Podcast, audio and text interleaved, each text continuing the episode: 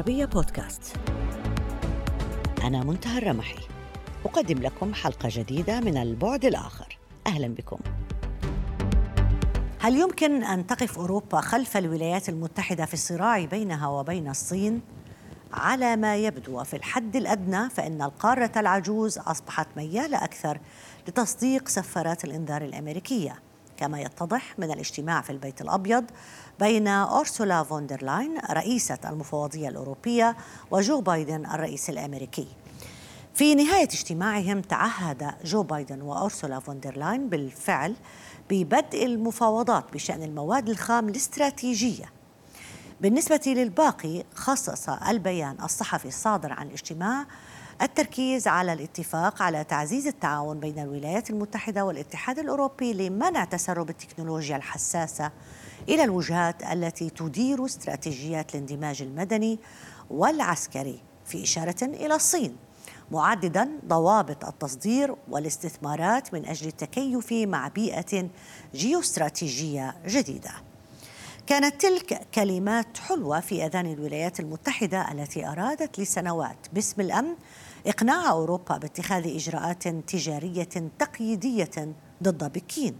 ورغم أن مسؤولا أوروبيا كبيرا اتهم فوندرلاين بتجاوز تفويضها بعدم استشارة السبعة والعشرين مسبقا. فمن الواضح أن انتخاب بايدن والحرب في أوكرانيا أدتا إلى تقريب الأوروبيين من الولايات المتحدة على الرغم من أنهم دفعوا ثمنا باهظا مقابل ذلك. مع ذلك ما زالت هناك تحفظات. ففي الوقت الذي تؤيد فرنسا هامش حركة أكبر فإن دولا أخرى مثل بولندا أو دول البلطيق مستعدة بلا شروط للوقوف إلى جانب الولايات المتحدة ضد بكين. أما ألمانيا فممزقة بين ولائها للأمريكيين وصناعاتها القوية التي تحتاج إلى السوق الصينية. أهلا بك معنا سعادة السفير. ولك خبرة طويلة في كل من الخارجية الأمريكية والبيت الأبيض وفي عدة دول. وكنت سفير للولايات المتحدة لدى المجموعة الأوروبية وعدة دول أيضا في البلقان وآسيا.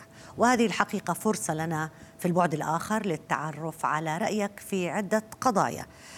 دعنا نبدأ اولا من ملف الساعة وهو ملف أوروبا. كيف ترى وضعها حاليا؟ أعتقد بأن أوروبا آه، كلها تقف ضد السلوكيات الروسية. فهنالك وحدة كبيرة بين الدول الأوروبية. واستراتيجيتها يبدو أنها ناجحة في وجه روسيا. والكل كما نرى يقدم التضحيات. وأكثرهم وأقصد بشكل خاص الأوكرانيين. فنكون لهم وافر الاحتمار لكل التضحيات ونحن نتعاطف معهم وكذلك ندعم اللاجئين الأوكرانيين الذين سيحصلون على معاملة جيدة جدا.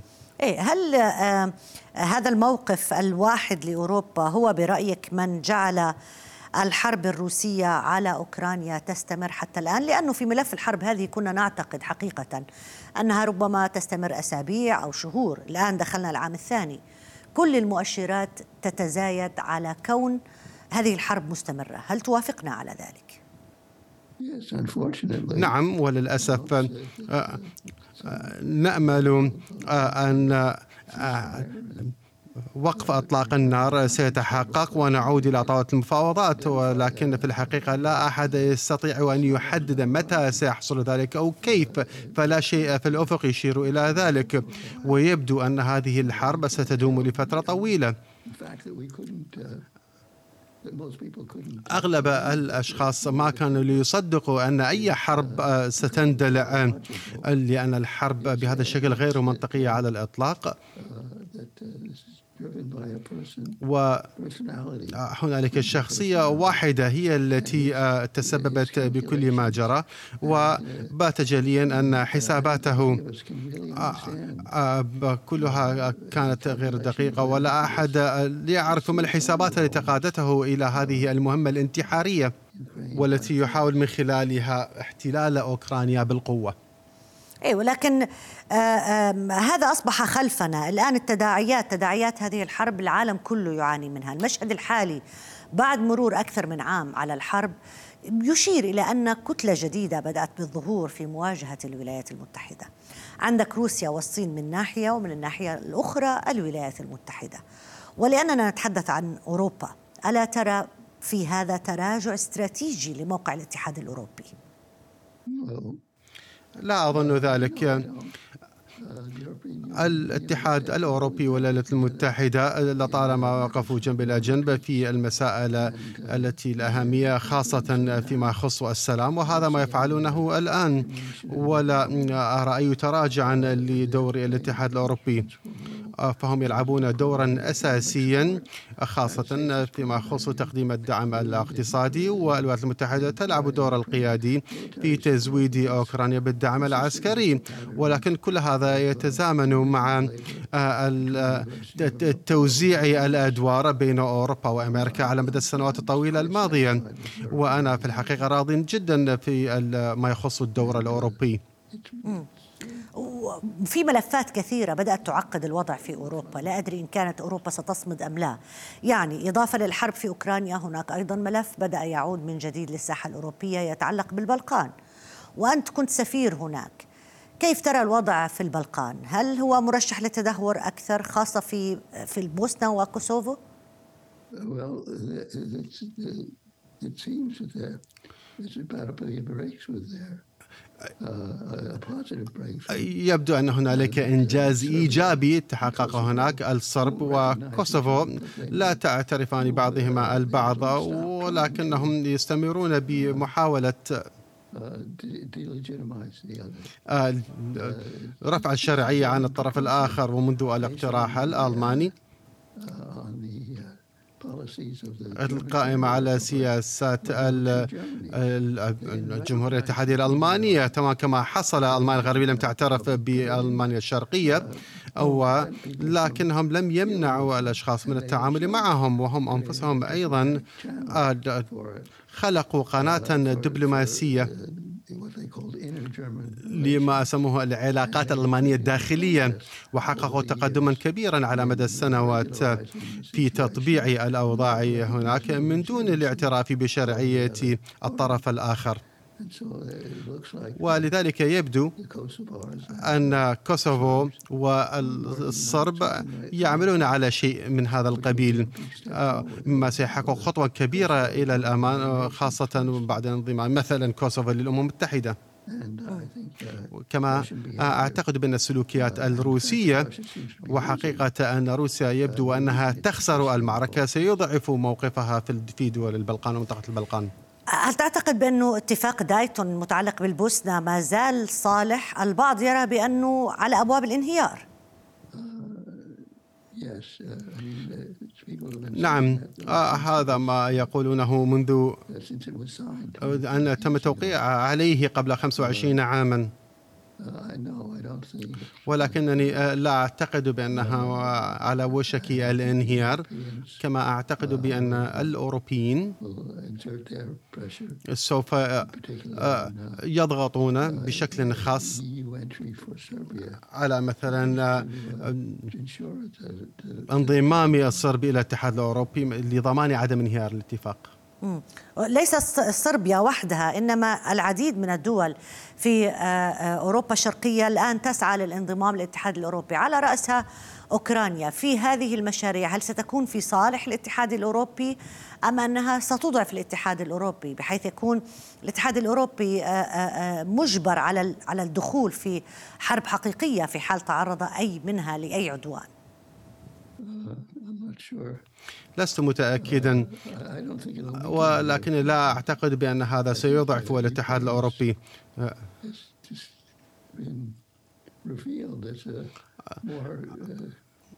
فكما سمعنا أوكرانيا هي الدولة أكثر قوة ومتحدة مما توقعه الكثيرون كما أنها أكثر كفاءة على الصعيد العسكري.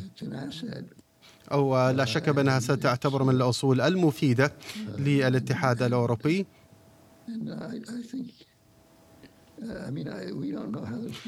ولكننا لا نعرف إلى أين تتجه الأمور أو كيف ستنتهي. من الممكن أن ينتصر الطرف على الآخر ويحقق نصرا حاسما ولكن على الأرجح بأن الحرب ستنتهي باتفاق غير مرض يترك السيادة غير محددة في مناطق معينة. ويترك كل طرف يسيطر على أراضي يطالب بها الطرف الآخر. لذلك سيكون تحديا صعبا على مدى السنوات القادمة. ولكن يبدو أن هنالك مصالح كثيرة في إعادة بناء أوكرانيا وستكون هنالك حزمة كريمة جدا لإعادة بناء أوكرانيا بعد أن تنتهي الحرب حتى وأن انتهت باتفاق مؤقت أو وقف إطلاق النار وليس عبر التسوية. واضح. وهذا سيمنح الأوروبيين آه الشيء إضافي لتوحيدهم أي ليعملوا عليه معا وهو إعادة آه، بناء أوكرانيا. طيب على الجانب الآخر هل تعتقد أو كيف تقيم لي الزيارة التي قامت بها رئيسة المفوضية الأوروبية إلى واشنطن ولقائها بالرئيس جو بايدن؟ هل قربت الاتحاد الأوروبي أكثر للاصطفاف وراء واشنطن في الصراع مع الصين؟ لا أعرف إن كانت الصين هي محور هذه المحادثات. Uh, أو إن كانت ضمن uh, الأولويات. أغلب السياسات كانت منسقة فيما يخص أوكرانيا ولكن أوروبا تمضي في نفس اتجاه الولايات المتحدة وهو عدم مواجهة الصين ولكن مع الإدراك بأن الصين لديها سلوكيات أو بعض السلوكيات غير المقبولة وبالتالي هم في منافسة تتطلب منا Uh, الاستجابة. Uh, uh, وهنالك حركة كبيرة على الأقل من الجانب الأوروبي. ولو فقط عبر الخطاب أو الكلام. ولكن أعتقد أن بأن هنالك اتجاه موحد على الأقل عبر الأطلسي.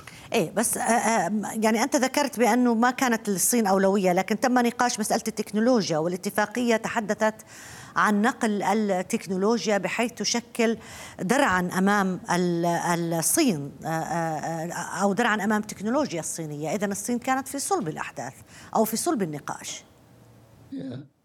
هذا صحيح. و هنالك زيادة في فرض الضوابط على التصدير أو التجارة الآن باختصار إلى أين يمكن أن تتجه الأوضاع مع الصين على مستوى الأوروبي وعلى مستوى الولايات المتحدة الأمريكية؟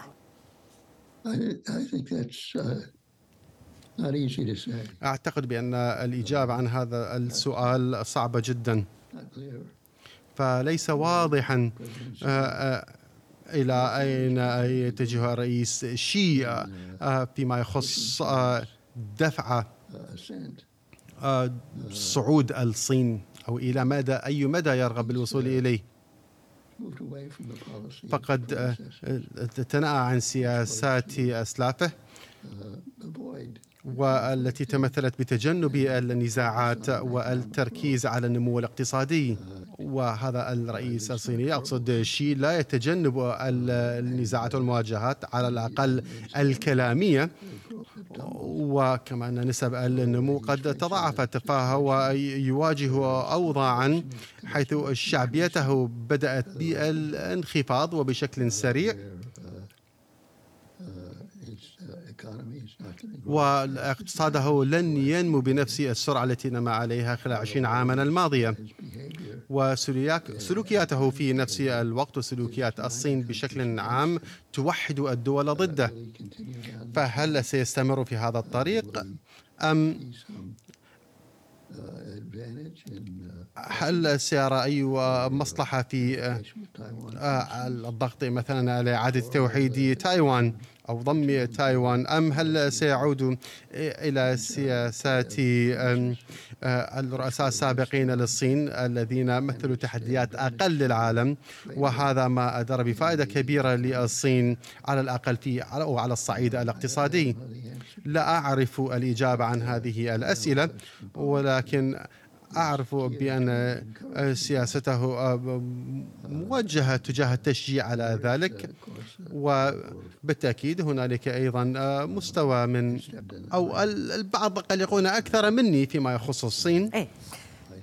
يعني يعني على المستوى الاقتصادي لا يوجد حتى الآن ما يشير إلى أن الاقتصاد الصيني سيتراجع قريبا. وهنا نتساءل دائما عن رؤية الولايات المتحدة الأمريكية والاتحاد الأوروبي لهذه المسألة المهمة جدا على صعيد العالم وهي الاقتصاد. اسمح لي أن أخصص جزء من هذا الحوار لعلاقتك بأفغانستان. أنت كنت سفير هناك وكنت المبعوث الخاص للرئيس جورج بوش للتنسيق مع المعارضة الأفغانية بعد هجوم سبتمبر 2001 الإرهابي.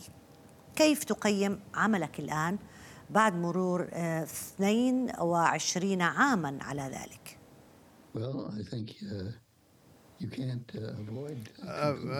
لا نستطيع تجنب الاستنتاج من أن الجهود حققت فشلا في النهاية وحققت ازدهارا لأفغانستان في البداية.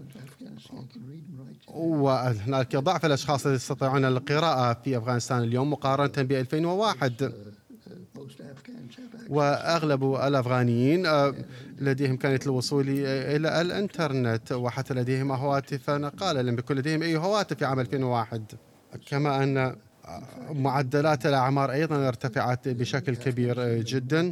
وأفغانستان حققت تقدما أكثر في العقد الأول بعد عام 2001 أو أكثر من أي دولة أخرى. أما الآن فهي تقاس بقاعدة بطيئة جدا ولا تزال بين أفقر الدول في العالم.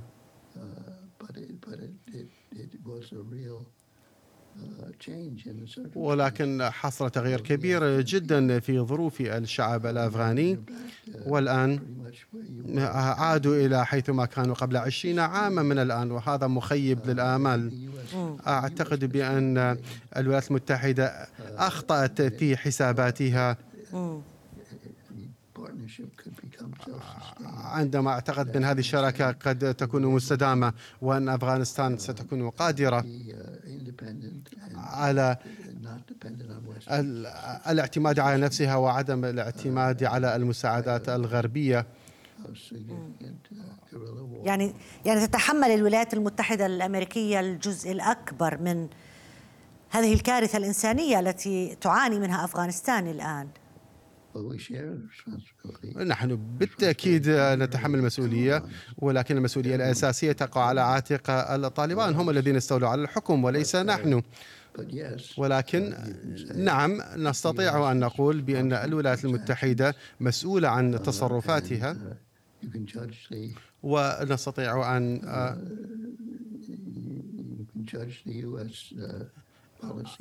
ننتقد أو نحكم على سياسات الولايات المتحدة حسب النتائج والنتائج مخيبة. يعني هذا النقاش ممكن يكون صعب لأنه في اتفاقيات وقعت بين الولايات المتحدة الأمريكية وحركة طالبان. في جهود تابعناها في الدوحة لسنوات طويلة لتوقيع الاتفاق وانسحبت الولايات المتحدة الأمريكية من أفغانستان لصالح طالبان بنهاية الأمر. يعني وكأن أفغانستان سلمت تسليما لحركة طالبان. لذلك نتساءل عن المسؤولية الأمريكية هنا. هذا صحيح. أو هذا الأمر غير طبيعي على الإطلاق. إدارة آه، ترامب وقرارها للتفاوض مع الطالبان من دون مشاركة الحكومة الأفغانية. آه، كانت آه، مفاجئة جدا وغير متوقعة. والقرار أيضا كان غير متوازن والاتفاق الذي تم التوصل إليه كان بمثابة وثيقة استسلام والرئيس بايدن بخلاف مشورة كافة قادة الجيش والأجهزة الاستخباراتية وحتى المستشارين الدبلوماسيين قرر تطبيق هذا القرار أو الاتفاق. و لا نستطيع أن ندافع عن هذا القرار وأي رئيس آخر ربما ما كان سيفعل ذلك.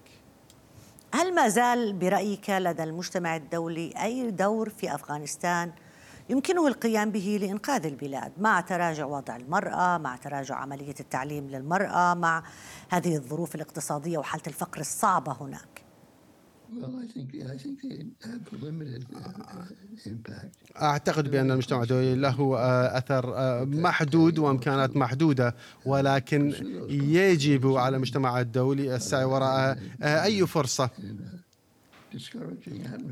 وكل الأجواء غير مشجعة وكذلك عدم الاستسلام في خضم كل ما يجري.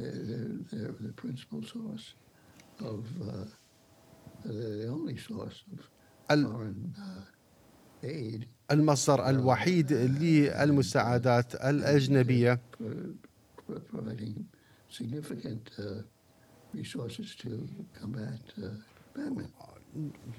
هو المجتمع الدولي لمكافحة المجاعة وهذا أمر مهم جدا. ومن المخيب للآمال أن تكون كل هذه المساعدات الإنسانية محدودة جدا. وقرار الطالبان فيما يخص المرأة أيضا مخيب جدا. لأنهم وعدوا بأشياء مختلفة وكان يبدو أنهم سيسمحون للفتيات بالذهاب إلى المدارس. وحتى بعد المدارس الابتدائية والثانوية. ولكن القيادة الدينية اتخذت قرارا مختلفا.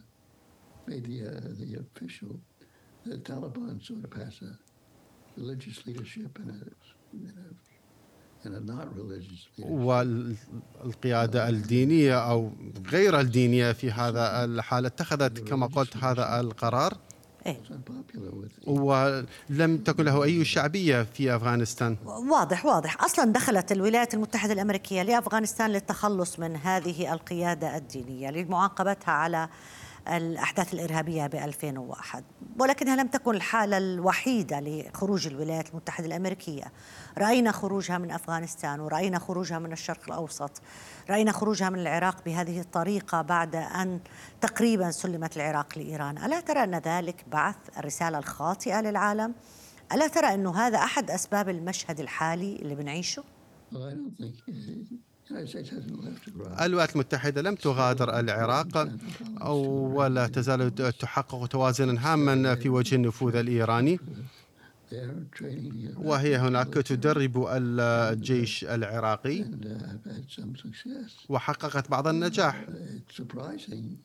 من المفاجئ أن العراق وضعه أفضل من وضع أفغانستان إذا ما أخذنا بنظر الاعتبار أن التدخل في العراق واجه صعوبات أكبر بكثير من الصعوبات التي واجهناها في أفغانستان. وفي الحقيقة أعتقد بأن قرار غزو العراق في عام 2003 كان أكبر عائقا في وجه تحقيق النجاح في أفغانستان لأن حول الانتباه والموارد الأمريكية إلى اتجاه آخر. فلا أعتقد بأن أمريكا انسحبت من العراق ولم تنسحب أيضا من الشرق الأوسط. العراق خرج من حرب ونستطيع الآن أن نشكك مثلا بضرورة الحرب. الحرب لم تكن ضرورية على الإطلاق وربما غزونا البلاد عن طريق الخطأ وهذا ما سيذكره التاريخ. آه، نغزو آه، دولة ونكتشف بعد أسابيع بأن هذا الغزو كان غير ضروريا لأنه لم تكن هنالك أي أسلحة دمار شامل ولا حتى إرهابيين. و بعد ذلك كانت هنالك سلوكيات متهورة. فلذلك أعتقد بأن العراق هو مثال عن الإصرار والعزيمة في وجه الخصوم ومن المدهش كم حققته أمريكا بعد كل هذه البداية السيئة.